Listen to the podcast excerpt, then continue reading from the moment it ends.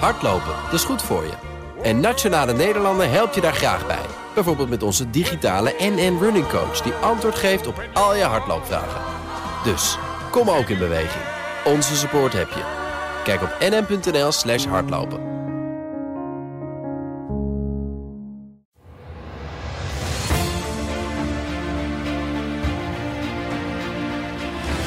Filmpjes maken van, uh, van een aantal collega's en ze op Facebook zetten als uh, verraders, leugenaars. Dat vind ik gewoon zo erg. Dit is Project Binnenhof, de politieke podcast van BNR Nieuwsradio. Wat gebeurt er in de wandelgangen als niemand kijkt? Met Sophie van Leeuwen en Laurens Boven. Dan zijn we weer, de zesde aflevering inmiddels van de Haagse podcast van BNR Nieuwsradio. En vandaag een hele bijzondere gast. Ik zou bijna zeggen de koningin van het Binnenhof, Khadija Ariep, de Kamervoorzitter. Welkom in onze studio.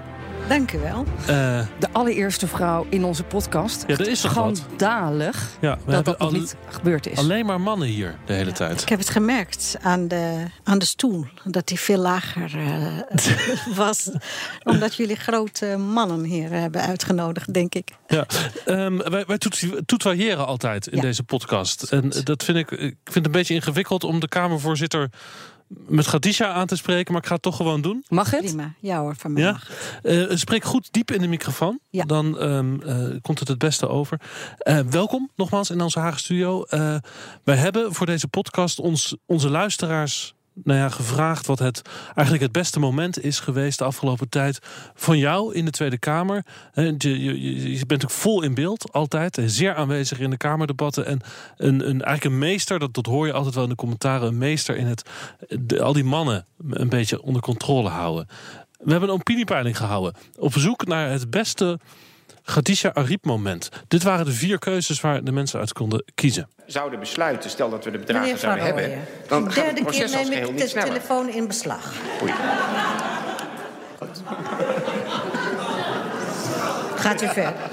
Straks gaat hij ook nog met popjes gooien. Ja. Uh, als een Franse president het woord voert, ja, dan, dan uh, spreekt de Franse staat. En dat gaat natuurlijk altijd gepaard met iets meer uh, volume dan een Nederlandse premier. Ja, daar bent u misschien jaloers op, soms of niet? nou ja, eigenlijk wel. als u vermoeid bent, u bent de hele dag een debat aan het voorzitten. Ik snap dat u vermoeid bent, maar ik vraag u toch wel om normaal een debat te kunnen voeren met de staatssecretaris. En ik vraag u om met respect tegen mij te spreken. En als iemand hier vermoeid is, dan bent u het wel. Ik zou zeggen, ga lekker naar huis om uit te rusten. De heer Quint. Ja, uh, alles Waar zijn... is uw jasje? Dat, vraag ik mij al jaren af, uh, voorzitter. Het, uh, ik heb een hele langzame wasmachine. En een slechte stomerij. Hoe luister je hier nou zelf naar? Ja, heel leuk om het terug te, te horen. Want ik luister bijna nooit terug uh, naar wat ik gezegd heb of uh, mezelf terugkijken. Heb je geen tijd voor natuurlijk? Nee, nee. En het is altijd heel raar om je eigen stem weer te horen. Vind ik zelf tenminste. Maar ik vind het wel leuk. Het waren vier fragmenten. Hè? Ja. Um, het, dat je een telefoon afpakt van, van Martin van Rooyen. Um, Mark Rutte, die een beetje gepest wordt over, over hoe belangrijk die wel ja. niet is. Hè, in vergelijking met, met Macron. Dat hele vervelende incident met, uh, met, met Kuzu was dat. Over vermoeidheid ja. en uh, nou, felle woordenwisseling. En, uh, en dan ja, een soort running gag. Die al anderhalf jaar een running gag is over Peter Quint van, ja. van de SP. Die maar geen, geen jasje. De laatste tijd doet hij vaak een jasje aan, maar die maar geen jasje. opgevallen, ja. Is belangrijk hè, dat, dat mensen een beetje netjes uitzien in de Kamer. Ik vind van wel. En waarom? Nou, ik vind wel dat je. Natuurlijk gaat het erom dat je um, ja, uh, je lekker moet voelen in wat je aan hebt. Maar uh, het gaat er ook om dat je er netjes uitziet. Dat het is een belangrijke uh, functie. we zijn heel erg zichtbaar. En het getuigt ook een beetje van respect, vind ik. Dat je ook rekening houdt met elkaar. En niet alsof je. Nou ja, dat was met Peter Quint het geval. Niet respectvol een t-shirtje. En, uh, maar uiteindelijk gaan ze zelf daarover. Dus ik zeg er wel wat van. Maar ik, ik ga geen gedragscode of dresscode opleggen. Welk uh, fragment denkt u dat gewonnen heeft? Denk je dat gewonnen heeft? Ja, misschien de telefoon. Inderdaad, ja. Ja. ja. Martin ja. Verrooyen, die ja. dus uh, zat te bellen. Ja. Wat, wat gebeurde er eigenlijk? Nou, hij was vergeten zijn telefoon uh, op stil te zetten. En die is volgens mij twee keer afgegaan. En op een gegeven moment zei ik, nou kom maar hier met uh, die telefoon. En uh, ik weet ook dat mensen zich daar enorm aan ergeren. Ik krijg heel veel mails, want zoals jullie weten worden we gewoon dagelijks via livestream gevolgd. En mensen kijken ook naar wat er in de Kamer gebeurt. En dit is echt ergernis nummer één. Uh, dat mensen zien dat Kamerleden voortdurend met hun mobiele telefoons uh, bezig zijn. Ik verdedig ook Kamerleden omdat je tegenwoordig bijna alles via je iPhone krijgt. Mails, ja. berichten enzovoort. Dat ze af en toe ook moeten kijken. Zeker als het debat heel lang duurt. Dat maakt wel een beetje dat ze, dat ze jou natuurlijk de, de, de schooljuf van, het, van de Tweede Kamer noemen. Ja, dat is ook zo. En ik ben het ook een beetje. Dus daar heb ik me maar uh, bij neergelegd. Maar de telefoon geeft ook een verkeerd beeld. Dat mensen niet geïnteresseerd zijn in het debat. Dat ze afgeleid worden. En, maar dat geldt niet alleen voor Kamerleden. Want ik heb ook de dag daarna heeft ook Grapperhaus was vergeten zijn telefoon uit te zetten. En ook daar heb ik iets van gezegd. Ja, ja. Um, de schooljuf, oké, dat, dat, dat, dat herken je, dat is belangrijk. Uh, wat, wat, betekent eigenlijk een Kamervoorzitter voor, voor je? Ben je de hoeder van de democratie ook? Als je de, de baas bent, ben je de baas eigenlijk van de Tweede Kamer? Uh, dat denken heel veel kinderen. Kinderen, oké. Okay. Denken dat ik de baas ben. Dat ben ik niet. Maar ik ben wel een beetje het gezicht van de Kamer. Dus in dat opzicht voel ik wel een bepaalde verantwoordelijkheid. Om uh, de Kamer te verdedigen. Om ervoor te zorgen dat wij uh, nou ja, ordentelijk met elkaar debatteren. Uh, natuurlijk is er ook ruimte voor emoties. En soms zeggen Kamerleden dingen waar ze later uh, spijt van krijgen. Dat hoort er ook een beetje bij. We, we laten ze even horen. Ja, want het is een, in de afgelopen tijd uh, gewoon echt wel een ja. issue geworden. Ja, de toon die er heerst in de Tweede Kamer. Um, allebei voorbeelden overigens van, van de PVV. Dit is het beroemde rot-op verhaal van Geert Wilders. Dit is ons land. Dit is niet uw land. Uw land is Turkije. Dit is Nederland. Wegwezen, meneer Koezen. De heer Koezel. Um, in de eerste plaats, ik heb heel duidelijk gezegd dat mensen die vinden dat jongeren die hier zijn geboren en getogen moeten oppleuren of oprotten, dat die wat mij betreft zelf een biezen kunnen pakken. En daar is de heer Wilders het levende voorbeeld van. Ja.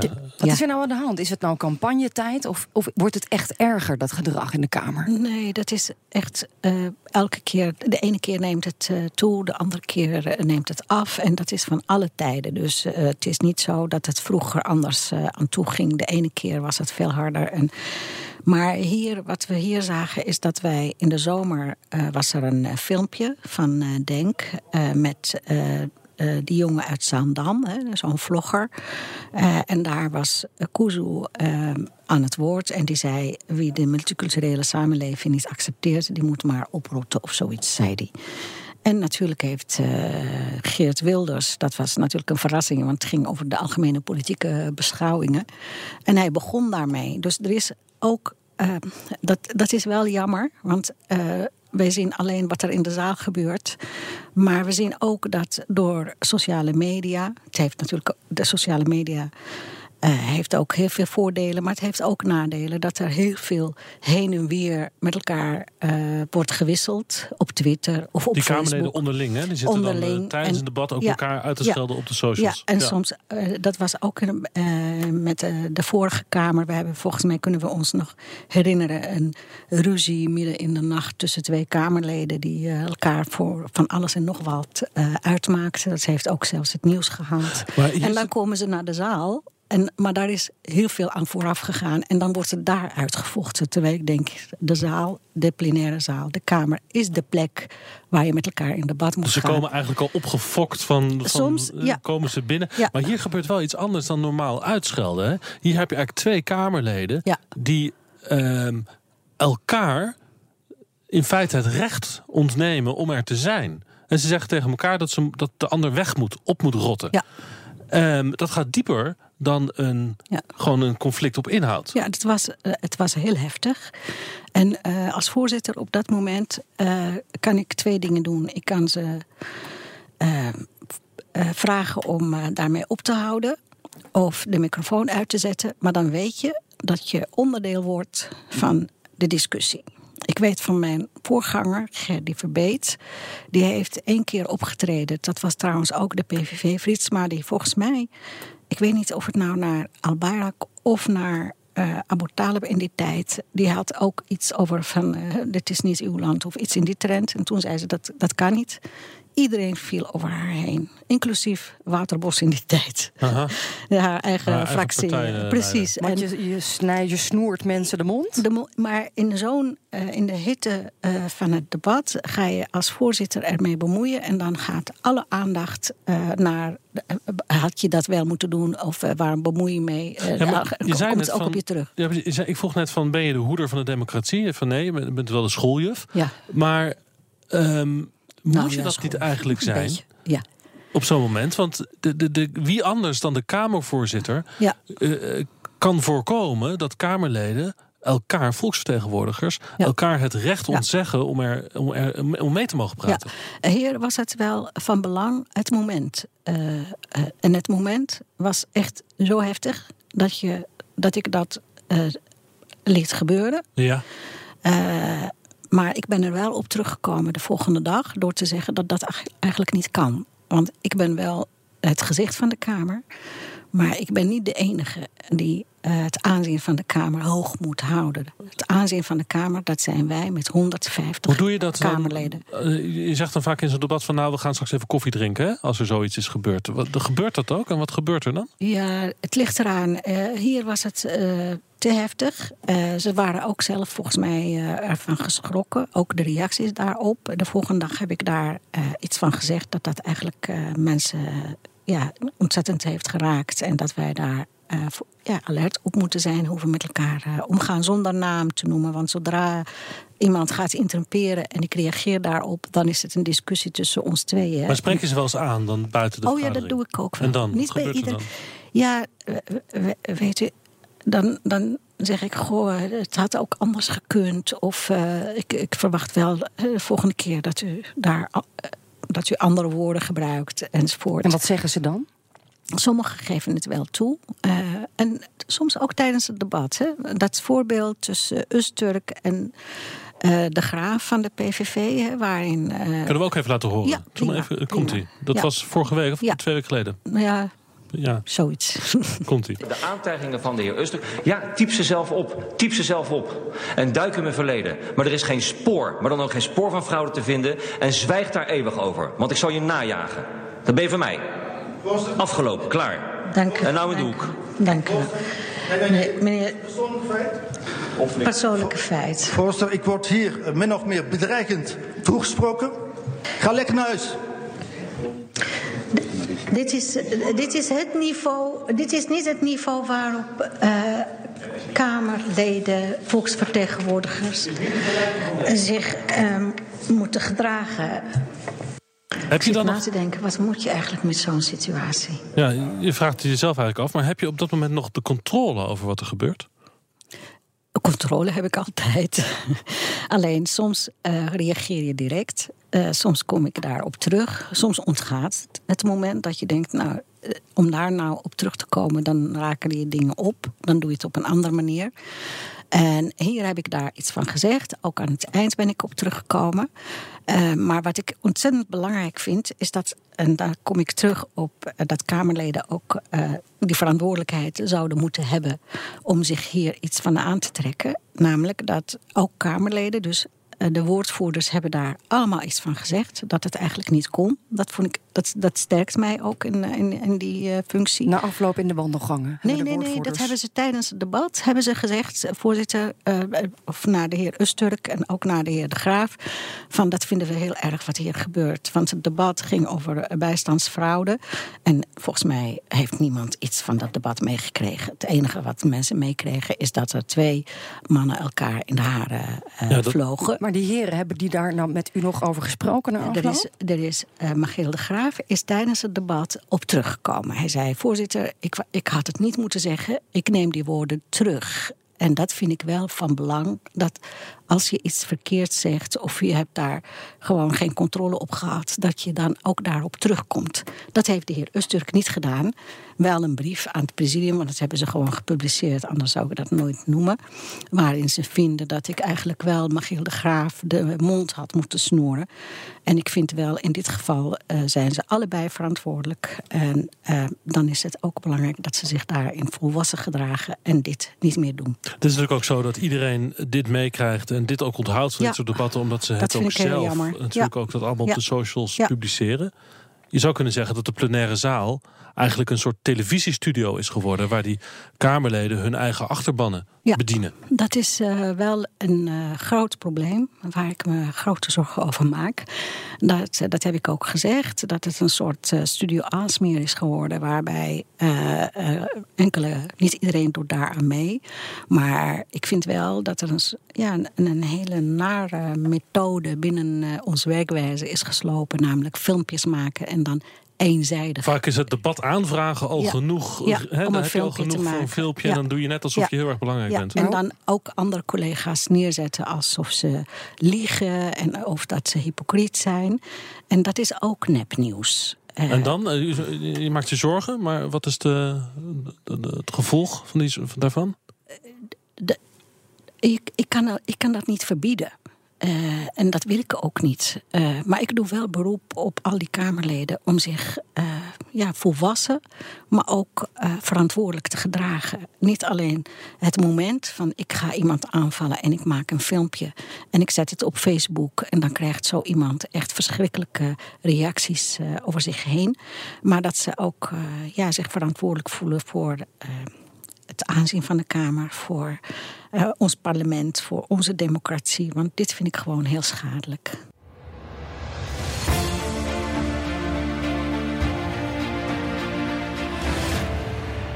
We onderbreken de podcast even hier, want kort na de opname van deze aflevering gebeurt er iets in de Kamer wat een lange tijd niet is gebeurd. Sinds 100 jaar tekent een Kamervoorzitter een motie. En uitgerekend is dat voorzitter Ariep. Precies waar dit gedeelte van de podcast over gaat. Een motie die intimidatie van Kamerleden vanwege hun afkomst afwijst. Dus het wordt tijd wat het CDA betreft dat wij tegen deze verachtelijke praktijken van Denk ook gewoon zeggen: zo lang kan dat niet. Voorzitter, in een aantal seconden die nu overblijven, zou ik dan toch graag nog een motie willen Dan stel indienen. ik voor dat u eerst uw motie eh, voorleest. Uh, voorzitter, je had een punt van orde ingediend. Uh, dit is een theater die van tevoren met elkaar is afgesproken. Dit is precies waar de burgers in de samenleving moeite mee hebben. Dat wij hier ons woord niet kunnen uiten. Als er één Kamerlid is die in dit parlement is bedreigd, dan ben ik het wel. Als u in uw motie ook dat had benoemd, dan had ik u een fair Kamerlid genoemd. Maar dit is een scène, bewust om voor de verkiezingen een motie te in te dienen om Denk te bashen. En daar trapt Denk niet in en heel Nederland niet in. Er wordt best gesproken, zelf doet u dat nooit, hè? Nee. U, bent, u moet Dank u wel, meneer Van der Molen. Ondertekend door mijzelf namens het CDA, maar alle Kamerleden die hier hun naam ook aan willen toevoegen, zijn van harte welkom. En zo ook Ariep. Uniek dus dat een Kamervoorzitter een motie ondertekent. En we gaan nu terug naar de podcast.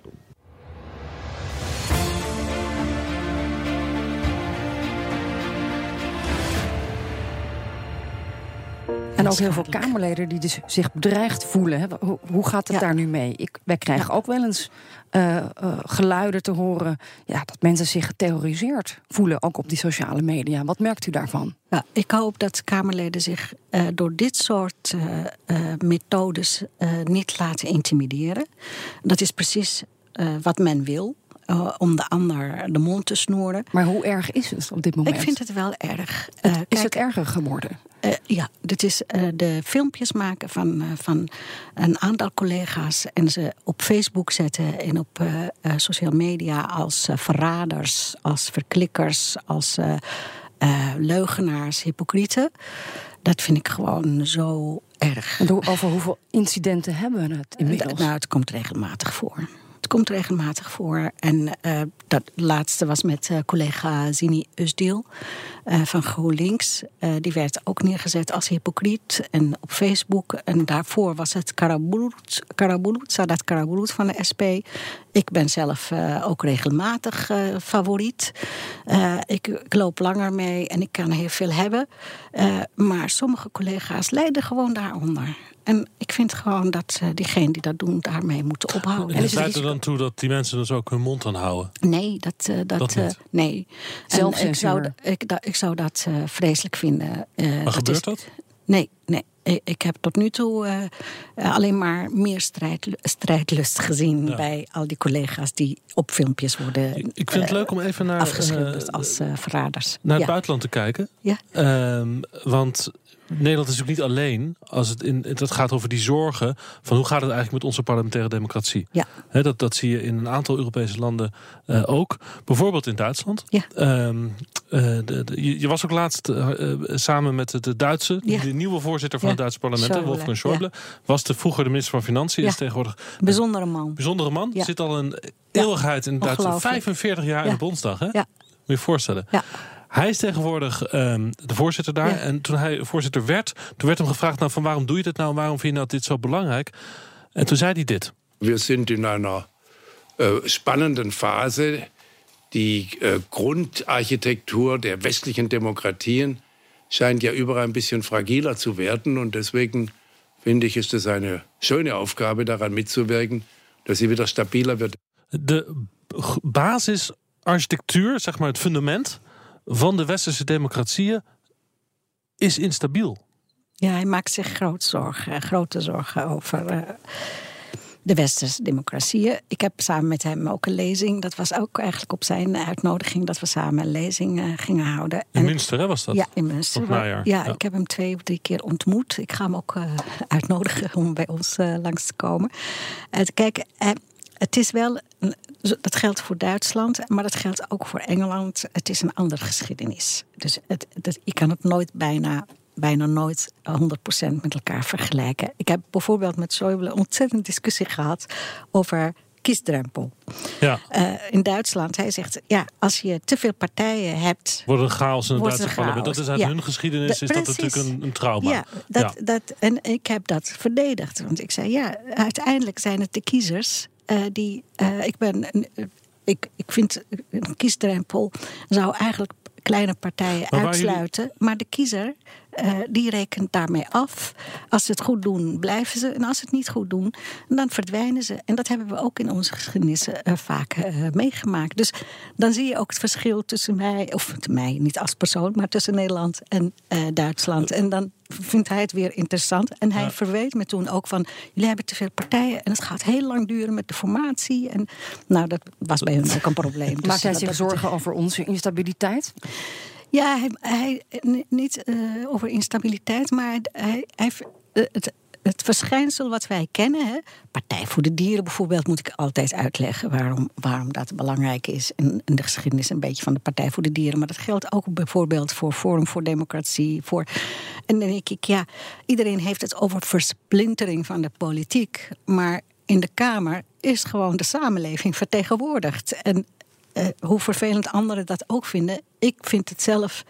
Uh, in een democratie ben ik daar heel trots op dat, dat mensen gewoon kunnen kiezen. Ik kom uit een dictatoriaal land, uh, tenminste onder koning Hassan, waarbij partijen van, uh, van bovenaf werden georganiseerd en de verkiezingen werden bepaald. En in dit land is het gewoon ja, mogelijk dat iedereen zich vertegenwoordigd kan voelen in, in het parlement. En ik mag daar op toezien en een rol in uh, vervullen. Dus ik verdedig dat ze ook ja. uh, in heel erg. In Duitsland ziet de Bondsdagvoorzitter Schäuble dus zichzelf wel heel erg als de, de hoeder van de democratie. Ja. Die, die, die, veel uitgesprokener dus dan de, de, de Nederlandse Kamervoorzitter. Ja, Mo dat klopt. Moet je niet in Nederland een beetje die houding van die Duitsers overnemen? Uh, ja. Ik was laatst uitgenodigd om iets over migratie te vertellen. Hè, en over vluchtelingen. En daarvan zeg ik, dat doe ik niet. Uh, dat, dat is toch wel... Ik wil onafhankelijk en autonoom kunnen opereren. En, en natuurlijk heb ik ook mijn eigen opvattingen. Um, maar uh, deze rol past me uitstekend. Dus ik hoef niet... Een technisch uit... voorzitter hè, ben je dan eigenlijk? Dan... Ja, technisch, maar ook uh, sturend op een andere manier. maar ook... Um, uh, ruimte bieden voor iedereen om haar of Mhm. zijn punt uh, te kunnen maken. En ja, dat, dat vind ik, daar heb ik helemaal geen last van. Je was laatst ook in Engeland. Ja. Uh, bij de Berko. totaal ander soort Ja. parlement is Ja. dat natuurlijk dan het Duitse Ja. parlement. Op bezoek bij ja, dat chaotische lagerhuis. Ook deze week weer volop in het nieuws natuurlijk. En Ja. dat klonk toen zo. Order. Colleagues, Khadija Arib, the president of the Dutch House of Representatives, is joining us in Parliament today. And I know colleagues will wish to extend the warmest of welcomes to my Dutch counterpart. Thank you. And today is exceptionally noisy, and we're not setting a very good example to our Dutch friends. I'm sure they do it much better. De Britten zijn Geweldig. natuurlijk, ja, het is een chaotisch Ja. parlement eh, Ja. tot en met natuurlijk. Ja. Eh, eh, eh, het is wel een parlement waar Ja. natuurlijk door het populisme Ja. Het, het land in grote chaos is gekomen. Hè? De brexit, Ja. het resultaat van Ja. populisme. Ja. Hoe- referendum. Hoe ja. kijk je daarnaar? Naar, naar, wat is de taak van een Kamervoorzitter ja, om dus te voorkomen dat populisme dermate ontspoort dat het leidt tot een brexit en al de puinhopen? Ja, da- daar zijn eh, de politieke partijen voor om eh, de anderen ervan te overtuigen dat je bijvoorbeeld wel of niet eh, in, in de EU eh, eh, moet zijn. En het is ook niet. eh, Hij is niet degene die dat heeft bewerkstelligd. Dus hij blijft wel in zijn rol als voorzitter. Hij komt trouwens van de conservatieven. Hè? Dus ehm, wat dat betreft. eh, Je kijkt een beetje machteloos toe als Kamervoorzitter. Hij. Terwijl je land versplintert. Nou, hij heeft een andere rol en hij probeert. Kijk, het, ook dat is eh, anders dan bij ons. Hè. Wij, hebben, eh, wij vergeten soms hè, door allerlei incidenten hoe sterk ons parlement is. Dat is echt heel anders dan Engeland. In Engeland is de regering die de agenda bepaalt. Hè, wat er, welke onderwerpen worden besproken in het parlement. Eh, Er mogen maar een paar keer per jaar mag de oppositie iets agenderen. Nou, jullie volgen de regeling van werkzaamheden. Hoe hè, werkt bij het ons. hier? Iedereen heeft het recht om een probleem te agenderen. Het loopt ook uit de hand. Het, eh, loopt zeker uit de hand. Maar tegelijkertijd denk ik, het is wel iets waar, waar wij als Nederland. Hè, ik ben natuurlijk ook bezig om die Kamerleden een beetje eh, van. Ik heb, wanneer was het vorige week, iets van 42 debatten afge- afgevoerd van de lijst. Dat doen we ook. Maar het, het feit dat Kamerleden het recht hebben om eh, problemen waar burgers, of nou uit Groningen of uit Brabant of eh, waar dan ook, Ja, maar ik zie dat- is in Engeland veel minder. Ik kijk elke dag naar die regeling van werkzaamheden als de agenda wordt vastgesteld. En ik, ik vraag me dan wel eens af, ja, maar Ja. daar zou je toch ook als Kamervoorzitter gewoon kunnen zeggen op mijn eigen gezag: dit doen we dus niet, vrienden. Want we hebben een grote politieke lijn eh, te bewaken. Ja. En jullie gaan in allerlei detailtjes claimen jullie de plenaire, plenaire zaal voor incidentpolitiek. Ja. Maar wie bepaalt, dan gaat het mis. wie bepaalt wat een klein onderwerp is? Nou ja, Of een groot onderwerp is? daar heb je Want- niet, u niet. niet, niet Kamervoorzitter. Nee, nee. Nou, eh, Want eh, wat voor mij misschien een klein onderwerp is, kan voor burgers een hele belangrijk onderwerp zijn. Eh, er is nu bijvoorbeeld discussie over IVF aan lesbische vrouwen. Ja. Dat, dat, dat is. Dat, dat kan, de een kan het eh, niks de vinden Kamer en de ander kan. eh, is het voor heel veel mensen is dat heel belangrijk. Maar werkt de Kamer zijn eigen functioneren niet onmogelijk door zo te verzanden in Nou, incidenten? Kijk, nou, dat is eh, de waan van de dag. Dat is wel waar. Hè? Dat het speelt ook een rol. Je merkt ook dat, dat tegenwoordig Kamerleden ook onder enorm, enorm druk staan. Ook de rol van de media. Eh, moeten we niet vergeten. Want als je gebeld wordt eh, door een journalist en die vraagt: eh, wat gaat u daaraan doen? Ga je niet zeggen: ik ga eerst het rapport lezen. Maar dit is toch ook het gevolg van de polarisering, de versplintering van Nee. het politieke landschap. het een- Iedereen wil gezien worden. Iedereen wil zijn cameramoment. Dus op elke scheet moet een debat worden aangevraagd. En dit kan dus alleen maar verergeren. Ik denk wel, eh, kijk, aan de ene kant heb je de Kamerleden die onder druk staan en die ook voelen dat ze moeten presteren en zichtbaar moeten zijn. Want ook die partijen, die rekenen Kamerleden, of je wel of niet op de lijst komt, wordt gevraagd hoe vaak ben je in de media geweest. Dus ook die partijen hebben daar een rol in dat ook gewoon het, het, het, het vakwerk, zoals amendementen of achter de schermen wetsvoorstel goed eh, doorlichten en daar eh, verbeteren, is ook belangrijk Kamerwerk, ook belangrijk parlementair werk. Dus dat is wel van belang. Ik ben wel, ehm, ik vind wel dat de instrumenten die wij hebben, dat zijn de schriftelijke vragen, dat zijn de moties enzovoort, hoe meer je daar gebruik van maakt, hoe minder effectief ze zijn. Dus ik probeer wel, en daar hebben we ook natuurlijk een werkgroep voor ingesteld met uh, Van der Staar. Heb ik ook regelmatig gesprekken, want hij is bezig om voorstellen te doen.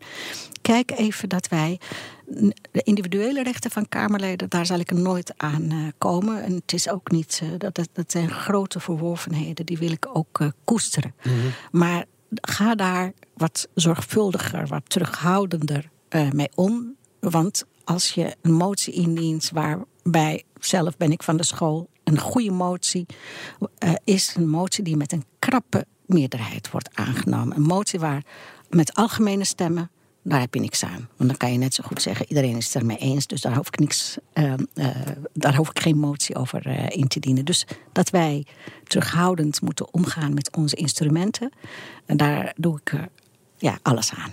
We moeten langzaam naar een afronding, ja. want de Kamer wacht. Er moet ja, weer een Kamerdebat voor de voorgezeten zometeen. Ja, Eén ding wou ik nog even be benoemen. We hadden het net al over Schäuble in Duitsland en Berko in, in Londen. Twee conservatieve mannen, vrij grote, stevige mannen ook. Alhoewel Schorb natuurlijk in de rolstoel zit, maar het is toch echt wel een, een stevige man. Eh, u bent natuurlijk een, een, een vrouw. Marokkaanse achtergrond, een sociaaldemocraat. Totaal andere verschijning natuurlijk dan die mannen. Ehm, bent u er trots op, op, op om, om er te zijn op die manier? Ja. Tussen die Ja. blanke mannen? Ja, eh, het klikt ook ontzettend tussen ons. Ik Dus we trouwens, ik hebben- zou opeens u staan. Dat is wel grappig. Nee, dat gaat heel goed. En ik vind het ook heel eh, bijzonder om eh, vanuit deze functie zulke persoonlijkheden te mogen eh, leren kennen. Ehm, ze zijn zo nieuwsgierig naar hoe kan dat? Iemand van, met een, een migrantenachtergrond, van zowel in Engeland natuurlijk als in Duitsland. Voorzitter speelt. worden van het parlement. Dat van het parlement. Dus zij hebben ook het beeld van Nederland dat er heel veel gedoe is en polarisatie enzovoort. En Ja. Dan zien ze gewoon een, eh, een vrouw met een andere achtergrond, een dochter van een gastarbeider, zoals dat toen heet, eh, op zo'n stoel. Dus ik heb ook een soort, eh, ja, wat zou En ik hier heb ik dan wel nog een, een strijd te leveren. Want de afgelopen kerstmis, voor het kerstreces, Ja? altijd een toespraak hè, van de Kamervoorzitter om het jaar uit te leiden. En dit jaar zei je van nou, ik ga geen toespraak houden, ik ga een toneelvoorstelling Ja. laten zien. Ja, dat klopt. Over het algemeen kiesrecht, het vrouwenkiesrecht. Ja. Een grote eh, Ja. irritatie in de zaal. Ja. Toch? Althans, nou, een grote irritatie, ik overdrijf Ja. een beetje. Eh, er was wel zo'n zo'n zucht van elkaar. ja, van, nou van- toch. ja, ze wilden heel graag Wat wil ze een nou weer? speech. Ja. Normaal gesproken hou ik een uitgebreide speech. Maar, maar dat zal ik u dit jaar besparen. We doen het anders dan anders. En dat heeft alles te maken met de viering van 100 jaar algemeen kiesrecht. Ik nodig u daarom uit om zo dadelijk mee te lopen naar de oude zaal voor een theatervoorstelling van ongeveer 30 minuten over het algemeen kiesrecht. Dat eh, hebben ze gemist. maar dat komt ga ik zeker komt Ariep inhalen. weer met de vrouwen. Ja. Is dat het? Nee, eh, dat was het niet. Ze- nee? Ze waren echt zo van, hoe kan dat nou? Dat, ze- ze zaten allemaal klaar om naar een speech eh, te luisteren. En eh, daarvan zei ik, nou, dit, dit jaar Maar je slaan hebt we ook het over. Plasterk al een keer op zijn donder gegeven. De minister van Binnenlandse Zaken die wou het, eh, het, het invoering van het kiesrecht vieren in Ja. 2017, 100 jaar kiesrecht. En toen zei hij van nee, dat doe ik niet aan mee. Ja, want dat, dat waren klopt. alleen maar de mannen in, twe- Ja. in 1917. Ja. Hij wilde inderdaad. het als de vrouwen ook hij wilde in 2017 een groot feest eh, geven. Ter gelegenheid van eh, eh, kiesrecht. Maar we weten allemaal dat vrouwen later kiesrecht hadden. Dus ik had zoiets van. als we een feest vieren, dan vieren we het met z'n allen. En niet dat de vrouwen als sluitstuk worden ge- Wanneer is gezien. het hier geen issue meer in Den Haag? De positie van de vrouwen? Eh, wanneer wij eh, ook in het parlement vrouwen op verschillende eh, posities hebben. Ehm, in de Kamer is het helaas nog steeds zo dat het aantal vrouwen is afgenomen in vergelijking met een paar jaar geleden. Dus ik hoop echt dat eh, partijen daar werk van maken, zodat ook vrouwen voldoende vertegenwoordigd zijn in het parlement. Ja, valt mij ook op. Dat Ja, moet beter. En ook op de posities financiën, hè, dat soort portefeuilles. Ja. Hoe gaat u dat regelen? Door dit bijvoorbeeld publiekelijk ook eh, te zeggen. Eh, sommigen zijn het er niet mee eens eh, dat ik dat zeg. Maar ik vind het eh, belangrijk dat. eh, wij zeggen dat het parlement een afspiegeling moet zijn van de samenleving. Los van al die verhalen dat vrouwen toegevoegde waarde hebben enzovoort. Ik, ik vind gewoon dat je in een democratie hoort iedereen vertegenwoordigd en zich te- herkennen in het parlement. En dat is nog lang niet voldoende. En waarom lukt het niet? Heel kort. Ja, waarom lukt het niet? Ik denk dat uh, partijen uh, niet actief achter uh, vrouwen aangaan. Maar ik vind ook dat vrouwen hun vinger mogen opsteken. Want ook vrouwen hebben soms iets van, nou, dat komt wel. Of, dus ik vind wel dat ook vrouwen meer van zich moeten laten horen. en hun toch, plek dan opeisen. Dan, dan moet het toch pijn doen als je dan met jouw achtergrond sinds de jaren tachtig al uh, gestreden voor uh, Marokkaanse vrouwen om die de huizen uit te krijgen. Als dan Rutte gevraagd wordt naar waar zijn de vrouwen in jouw nieuwe kabinet, dat hij dan zegt van ik ben voor de kwaliteit gegaan, dan moet het toch iets pijn doen als, als dat dan zijn commentaar van die gezellige jovele man en dan hoor je dat. Altijd als het over vrouwen gaat, komt kwaliteit om de hoek. Soms zeg ik we hebben alleen maar vrouwen, want we, er is geen kwaliteit, dus we kunnen geen mannen vinden. Maar bel je hem dan op en zeg je van maar, dat kan zo niet? Uh, nou, volgens mij is dat ook door een aantal uh, VVD-vrouwen duidelijk gemaakt dat, uh, dat dit soort opmerkingen niet, uh, niet kunnen. Uh, en volgens mij zijn er ook heel veel goede uh, VVD-vrouwen. Dus ik heb er vertrouwen in dat het goed komt. Ja. Een quotum in de Kamer? Ja, nou ja, daar, daar wordt ook verschillend over gedacht. Ik ben, daar niet ik ben daar niet tegen. Dat heb ik ook eerder geroepen. Maar het gaat er ook om dat mensen ervan overtuigd zijn dat het gewoon heel belangrijk is dat iedereen zich vertegenwoordigd voelt in de Kamer. En daar horen ook vrouwen bij. Dankjewel. Gatisha. Graag gedaan. Voor je komst naar de studio van BNR. Wij zijn te volgen via alle social kanalen. Uh, BNR Politiek is ons Twitter-account. Project Binnenhof Project Binnenhof, Instagram. Instagram. En via de mail Den Haag het BNR voor opmerkingen, tips, aanbevelingen. Wie willen jullie nog meer horen? En de vragen voor de volgende keer. Vrouwen graag. Wie, wie, moeten we de volgende keer uh, langs laten komen, Gadisha? Oh, wie zou ik... Uh uit, uit uh, de het, het, Binnenhof, het Haagse. Het binnenhof. Nodig jij even iemand uit? Carola Schouten. Ja? Waarom? Ja. Ik ken haar als Kamerlid en ik vind, uh, ja, als jullie het hebben over vrouwen en uh, die iets goed doen en op een leuke manier ook bezig zijn, of op een leuke manier gewoon heel professioneel en zo, ja. dan zeg ik, nodig Carola uit. Doen we. Ja, goed. Dank u wel. Oké, graag gedaan. Succes nu. Ja, dankjewel. Business Booster. Hey ondernemer, KPN heeft nu Business Boosters. Deals die jouw bedrijf echt vooruit helpen. Zoals nu, zakelijk tv en internet, inclusief narrowcasting... de eerste 9 maanden voor maar 30 euro per maand. Beleef het EK samen met je klanten in de hoogste kwaliteit. Kijk op kpn.com businessbooster. Business Booster.